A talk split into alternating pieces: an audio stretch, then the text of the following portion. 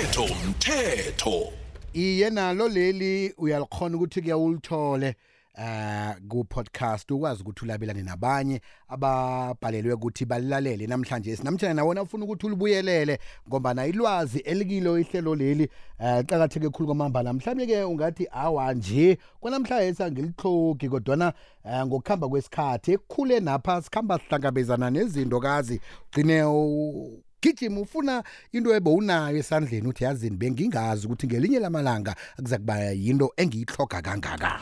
Umthetho umthetho. Into eyenze ukuthi-ke sibe nesihloko lesi namhlanje sise spousal support kungombani omunye wabosaziwako eh abafaka isehlukaniso nobaba kwakhe enyangeni eh kaFebruary kiwo um ngithi umnyaka opheleleko 2022 ngoFebruary bahlukana. Ngikhuluma ke la eh ngodade umini wakwadlamini. Eh uhlukene ke nobaba kwakhe umnyaka opheleleko ngoFebruary yeke ke umnyaka lo ubaba kwakhe lo uthi yemani eh ngihloka ukuthi ngisekeleke la. Akusasebenzi ngendlela ebekusebenza ngayo ngaphambilini kezemali. Ngiba ukuthi angililise namtjana ke angi angondle nge-10000 rands qobe ngenyanga. Qala msisachada ngojuly 2017 saraga yoke into beyikhamba ngendlela efaneleko isikhathi esisoke nje kodwana-ke umnyaka ophelileko eh ngebhadi. Safaka isihlukaniso. Ngemva kweminyaka emihlanu sitshadile kodwana-ke nje into zama zisafani nekuthomeni. Abanye bebakhulumisa indaba ukuthi eh i-spousal support le itholakala ngemva kokuthi ubone ukuthi umuntu ukonela isikhathi. Akhange ukhona ukuthi wenza amano wokuthi ukhona ube ukuthi ube umuntu ozijameleko ayedwa ngombana lo bekakhona. Nabelana nabelana lokho enabelana khona. Kodwana nje akasakhoni ukuragela phambili ngempilo chingekhotho faka-ke isibawo sokuthi akasekeleke namtshana kondleke kodwana-ke um umuntu ozazi ngconywana indaba lezi ngudade urejoyce wakwamachiyana uliqwetha. Lotshe sisirejoyce akwande mkhathi ninjani dadabo hawa sivukile ngeza ngakini. Siyathokoza. Yoke into ikhamba kamnandi. Ngiyathemba nawe impela veke yakho ede kuphethe kamnandi. Hayi isasiphethe kamandi. Siyathokoza.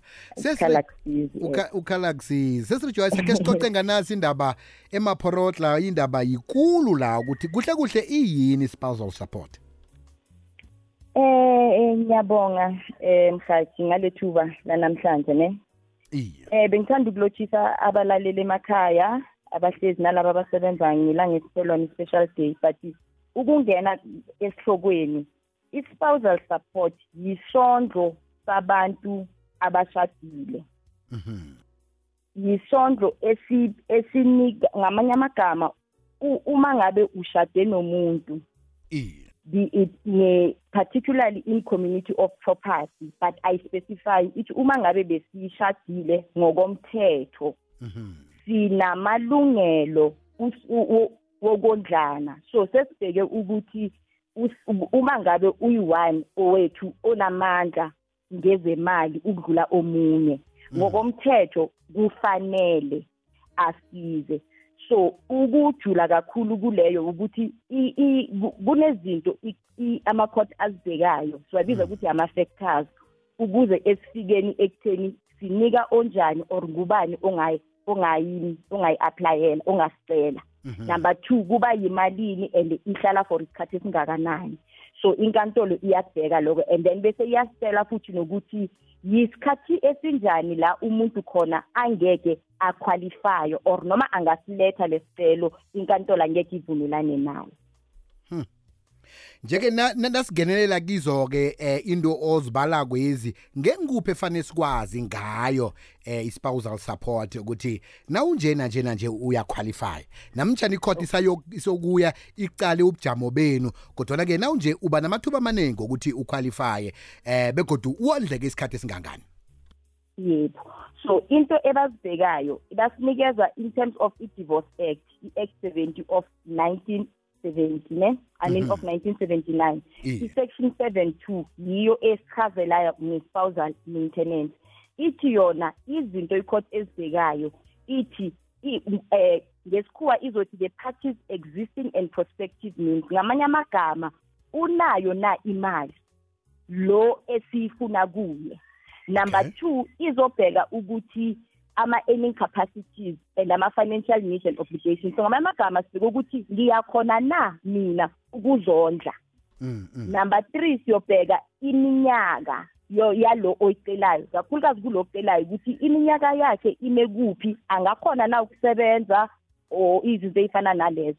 Unumber 4 bese babheka ukuthi sashada isikhathi esingakanani la kuqala khona lesidingo engifuna mina ukuqhubeka naso uma sesihlukana unumber 5 bese izothi izizathu zokuhlukaniswa kwalomshado kukhona na ongathi kunesandla semfene or umuntu esingathi yi-fault yakhe? So lo siyoyicela kuyo sithi ngamanye amagama bekuyizathu sakhe ukuthi size sihlukane. Bese ye-six izothi i-standard of living ngamanye amagama sesizijwayezile thina impilo esiyiphilayo kungaba yimpilo mina bengayiphili before ngihlangana nawe mase sengihlangana nawe nongijwayeze ukuthi i-soft life. Bese mase sowungishiya-ke ngiyakha- ngiyakhona ukuphindela ekhoti ngiyocela le ukuqhubeka nale soft life. And then bese unumber seven izothi any other fact ngamanye amagama noma yisiphi esinye isizathu so uzosho wena-ke usho ukuthi wena iy'dingo zakho zihluka ngani ngaloku umthetho ukuthi hhayi abaso sibabhekile bangeza. But uma ngabe wena mhlambe maybe isicase yakho i-special nawe uvumelekile ngamanye amagama the list is not exhaustive ayiphelelanga iyaqhubeka ngokuhlukanisa kokuthi sikhala ngezinto ezi- e- e- e- ezihlu- ngokuhlukana kwey'dingo zabantu. Alo ikhotha yiqala ukuthi musilo sekamuve on sekanomuntu omutsha eh ongakhona ukuthi amsekele ehlangothini lemali. Abaqali lokho baqala wena ukuthi isuke kuwe nguwe umfundise ukuthi nakuvukwako kuvukwa ngenyama wajwayela inyama umuntu kanti bekazidlela ibisi ekuthomeni. Yebo but kakhulukazi ngoba yona ithi sifuna ukubheka ukuthi uyaqualifya na number one. Mm. Number two singakunika malini. And then unumber three for isikhathi esingakanani. So isikhathi ngamanye amagama the intention of the legislator umuntu owabhala lo mthetho lo into bekayihlosile bekuwukuthi uma sihlukana sifuna ukunikeza umuntu isikhathi bayibiza ukuthi it's rehabilitative maintenance ngamanye amagama. Sokuthi azilungise akhona ukuqhubeka ngempilo yakho. So ngamanye amagama yisikhathinyana soku-adjusta Mm. ubuyele la bowukhona or ukwazi ukuzilungisa-ke la kufanele uye khona. So in yona it- i- i- ay- ayifani ne-maintenance yabantwana yona ihluke ngokuthi kungenzeka ikhotha ithi six months ithi 12 months ithi 2 years akuthi i-maintenance yangunaphakade le Mm, is mm. limited ngesikhathi because uzobheka ukuthi mase sowuthola omunye umuntu phela-ke-ke then sokusho ukuthi i-duty mhlambe izostopha uma ngabe lo muntu lo osowuhlala naye sekayakondla or mase sowuthola umsebenzi. Kwesinye isikhathi bathi mhlambe mase sowuthola ama-pension or mhlambe le ndlu mase seyithengisiwe so kuzodiphenda ngezizathu zokuthi uyidingelani and then sizoyifaka izoba khona isikhathi esingakanani. Ngoba kwesinye isikhathi uma nihlukene eh ubaba mhlambe sekaphumile endlini ushiya umama endlini kose kubhadale i- i- ama- i- i- ama- ama- i-electricity kuthengwe igroza nanani. Yila isikhathi khona umama-ke angayifaka khona-ke-ke. Before i-divorce i-finalize but it can still be confirmed. At the end of i-divorce isho ukuthi okay sizokupha-ke-ke yona-ke-ke until uthola ama-pension or until kuthengiswa indlu or sizokupha maybe for maybe two years until-ke-ke maybe-ke ulungisa izinto zakho or uthole omunye umsebenzi.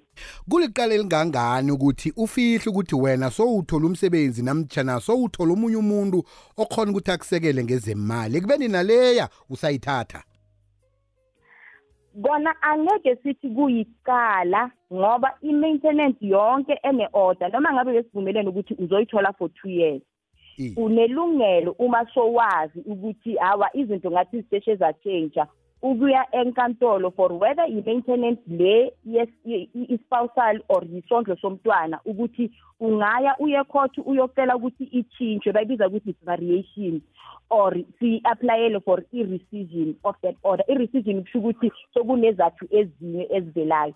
So uvumelekile so, noma yinini uma kuba khona okuzwayo ukuthi u- ucele ecourt. Kona ngeke kube yicala mara if anything kuzoba into yokuthi uma sekutholakala ukuthi wena uyaqhubeka uyayithola and besithe uma sowuthola umuntu eh usaziso or ingasaphumi ubaba makaya ecourt uzoyoyikhansela and then izostopa ke then if uyakhona ukuprova ukuthi mhlambe ke kunezinyanga eziyi-3 ezinye umama ayitholile then uzoyicela back from inkantolo kuphume i-court order ukuthi makayibuyisele. So kule court le yomndeni kakhulukazi icala lizoba ukuthi uzojeziswa ngokuthi uzoyibuyisela uma sekutholakala ukuthi bese sowuyeba-ke ngoba a- isidingo awusanayo but still usa- usayamukela imali. Wogcina umbuzo enginawo eh sesirejoice umuntu uyasho ukuthi yazi eh, ungijayeze ukukhamba ngamanyathelo abomvu angisakhona umbatha amanye amanyathelo ahlukileko. Kodwana ke nawabomvu lawo akasawambathi sekasela utshwala ngayo. Nginawo amandla mina obhadela imali ukuthi awa mani ngasuthi imali ami le engimnikela yona akasathenga amanyathelo abomvu sekathenga utshwala hey leyo hey ang- ang- angaze ngayi- ngayibona. Mm. Mara into ebakhona ukuthi once umuntu sekaphile into isesandleni sakho. Eh awusakhona ukumdise ya ya sekungeyakho. Awusakhona ukum ukumkhethela ukuthi ya wena bowufuna isiphuzo esithize manje sowuthenga esinye. Mm. izidingo nethesi yabantu iyatshintsha ngokuhamba kwesikhathi nangokukhula kwabo. So angeke ukhethelwe kangako mara uma ngabe ibalulekile kuwe then ungayicela-ke ukuthi e-e mina le yami ngicela kube umuntu engimlethela igroza ngingamnikezi imali uma Imali, ngabe mm. uyakusolela uma ngabe siyacela or ungaphindela enkantolo ukuthi hawa ngathi u- usela ngayo ngicela ukuyitshintsha ukuthi kube yini engimlethela-ke ukudla or siyithumele ngama-voucher or ini yonke i-case izodecide-wa ngama-merits wayo sesirejoice baningi abantu abasizekileko. Ngiyazi ngesihloko sanamhlanje simhlambe ukuthi umuntu-ke akhona ukuthola isizo eliya phambili ngaso isihloko lesi namtshana kokhunye nje eh ubudisa kuhamba ahlangabezana nabo eh ebukhambe buhloga isizo lezomthetho ukutholaphi? Angangithola eh ngikhona ku-facebook ngothokozile rejoice mashiyane. Ngikhona eh ku uma bagugula is bronco spread law chambers or mabacheka uthokozile rejoice mashiyane kuzovela ukuthi ni- ni- nisebenza kuphi kanjani. And then naku cellphone number ekhona ku-whatsapp. It's 072 412 3005 072 412 3005 inamba yami yefoni and then iyatholakala futhi naku-whatsapp. Sesirejoice thokoze khulu kwamambala ungadinwa ngithi nangomuso nasikubizako siba usabele. Hayi ukuthokoza mina mhlazi sithokoze khulu kwamambala besikhulumisana naye ngudade urejoice wakwamashiyane oliqwetha besicoca-ke nge-spousal support ngiyathemba bona um kunenge okufundileko esihlukweni sanamhlanje siyi umthetho mthetho